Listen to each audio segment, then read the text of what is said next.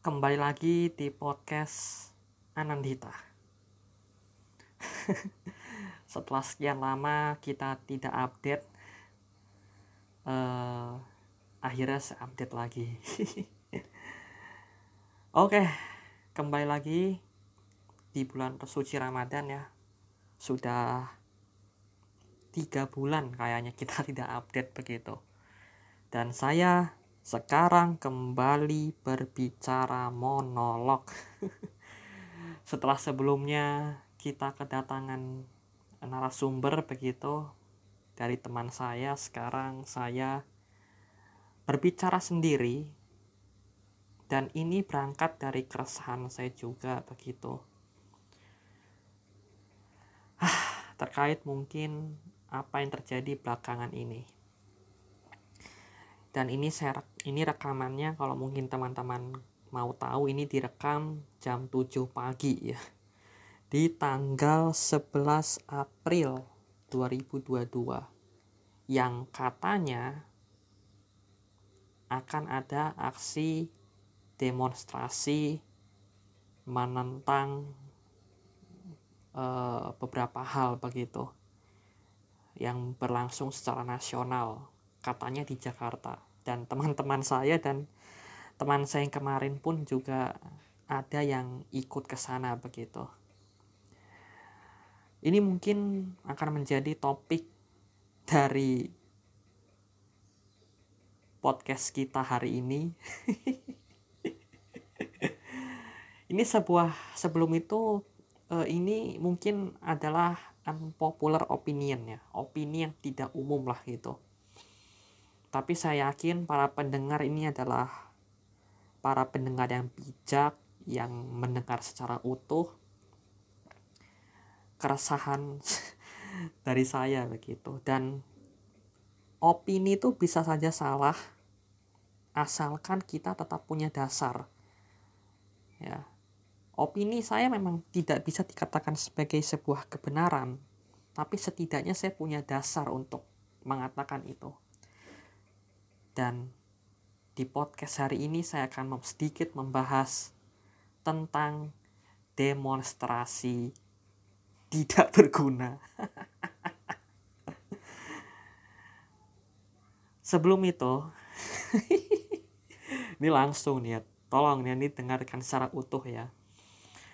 Demonstrasi menurut saya tidak berguna kalau ini ini opini pribadi ya silahkan kalau tidak setuju nggak apa-apa. Kita negara demokrasi. Kalau demonstrasi tidak berguna nih kalau caranya itu tidak maksimal.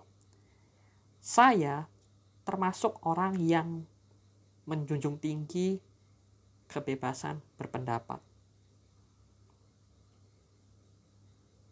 tidak ada yang salah dengan demonstrasi. Dan saya menghargai setiap pesan yang ingin disampaikan. Terkait demonstrasi hari ini kan katanya membahas tentang beberapa tuntutan ya seperti tiga periode, lalu kenaikan harga, dan lain sebagainya. Ini banyak nih, ada nih teman-teman yang mungkin minta pendapat saya. Jujur ya, jujur nih saya goblok dengan masalah ini. Saya bodoh lah gitu. Nggak tahu tidak menguasai persoalan terkait ini begitu. Jadi ya saya lebih baik diam lah gitu. Uh, tapi saya nggak menghalangi teman-teman saya yang ingin ikut demonstrasi gitu. Silahkan. Ini negara demokrasi. Tapi mungkin kalau boleh berpendapat terkait tuntutan-tuntutan itu saya rasa ya ini mungkin akan menjadi bumerang juga karena secara real fakta di lapangan isu-isu itu tuh uh, yang mungkin apa ya uh, terkait tiga periode misalnya. Pak Presiden kita sudah menegaskan bahwa dirinya akan mematuhi konstitusi dan konstitusi mengatur masa jabatan presiden selama dua periode. Dan hal itu juga ditegaskan beberapa hari yang lalu bahwa beliau akan fokus mempersiapkan untuk tahapan pemilu dan beliau secara langsung meminta kepada KPU untuk mempersiapkan tahapan pemilu 2024 yang akan dimulai pada pertengahan Juni tahun ini. Rencananya begitu. Dan ada yang aneh juga nih. Mungkin nggak semua rekan-rekan mahasiswa ya. Beberapa rekan mahasiswa ini kemudian membuat selebaran atau poster. Ini juga baru saya lihat nih di beranda salah satu story media sosial. Katanya ada aksi turunkan presiden. Waduh. Sejenak saya terpikir begitu. Pernyataan ini, pernyataan turunkan presiden, adalah pernyataan yang tidak jauh lebih baik dibandingkan pernyataan-pernyataan orang yang ingin memperpanjang masa jabatan presiden karena keduanya sama-sama melanggar konstitusi. Orang yang ingin memperpanjang masa jabatan itu jelas melanggar konstitusi. Pun orang yang ingin menurunkan presiden, dia juga melanggar konstitusi karena ada aturannya terkait pemakzulan ataupun terkait mundur. Dan ini sama-sama bertentangan dengan konstitusi. Jadi suara yang disuarakan ini sebenarnya apa? Gitu saya tidak sekali, sekali lagi saya tidak mengkritik kok message yang disampaikan. Silahkan. Mau dari bem demo teman-teman saya demo saya nggak ada masalah dan saya respect dengan mereka yang turun ke tengah jalan di bulan puasa ini di bulan Ramadan ini di mana ini momen buat kita untuk menahan diri begitu dari segala hal. Dan ini saya respect lah begitu di tengah suasana puasa mereka turun ke jalan untuk menyampaikan suara. Dan itu nggak ada masalah. Sekali lagi saya nggak ada masalah dengan teman-teman saya ataupun rekan-rekan mahasiswa lainnya. Tapi tuntutan ini nih salah satu tuntutan ini yang mungkin jadi pertanyaan. Pernyataan mungkin ini juga salah juga ya. E, sebenarnya ini kan wacana tiga periode itu sudah selesai pada tahun 2019 yang lalu ketika presiden menegaskan tidak berminat dan bahkan menyebut orang-orang yang apa uh, mengusulkan itu tuh yang ingin cari muka menjerumuskan beliau kan itu sudah tegas sebenarnya. Dan Februari kemarin kan sebenarnya udah selesai dengan dibentuknya KP, pengurus KPU baru dan tugas mereka dalam menjalankan pemilu tahun 2024 bahkan kan sudah diumumkan kan pemilu serentak itu kan dijadwalin tanggal 14 Februari. Sudah clear sebenarnya Februari kemarin. Cuma beberapa minggu yang lalu ada nih setidaknya tiga menteri yang bersuara terkait penundaan pemilu. Ini yang jadi bumerang bagi presiden sehingga muncullah suara-suara liar Artinya ada miskom di sini, miskomunikasi yang kemudian dipahami oleh mahasiswa sebagai sebuah rencana sistematis dari pemerintah. Padahal presiden sendiri kan sudah dari awal mengatakan dia tidak berminat untuk tiga periode. Dan saya yakin beliau juga tidak akan melanggar konstitusi itu. Tapi menterinya ini yang kemudian menimbulkan polemik belum selesai soal kenaikan BBM sekarang isu kenaikan apa-apa perpanjang jabatan. Ini yang kemudian dipahami sebagai mahasiswa sebagai sebuah pelanggaran. Padahal presiden sendiri sudah jelas loh beliau tuh gak berminat. Tapi menterinya ini yang malah bersuara lain gitu. Dan akhirnya kan ditegur beberapa hari yang lalu. Dan ditegaskan kembali oleh presiden satu hari yang lalu gitu. kemarin beliau menggelar rapat dengan menterinya dan menegaskan bahwa pemilu 2024 itu tetap berlangsung.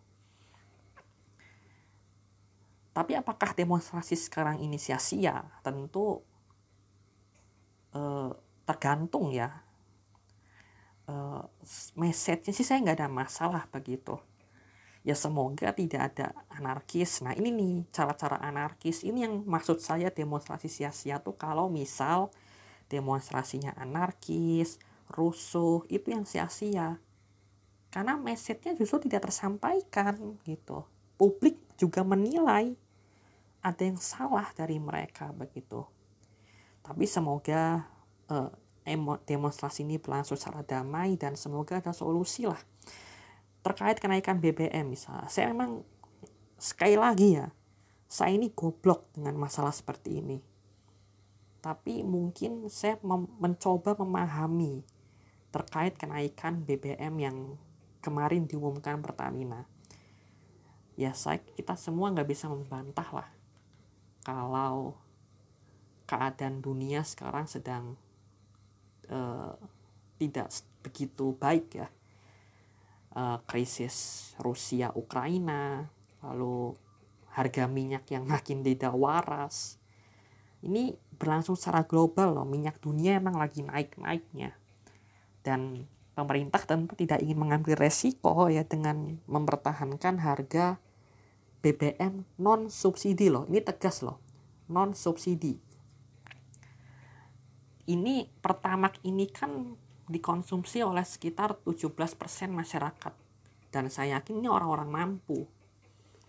Karena pertamak itu memang peruntukannya adalah orang-orang yang memiliki ekonomi menengah ke atas. Ya. Pertamak itu memang nggak bis nggak semua orang begitu.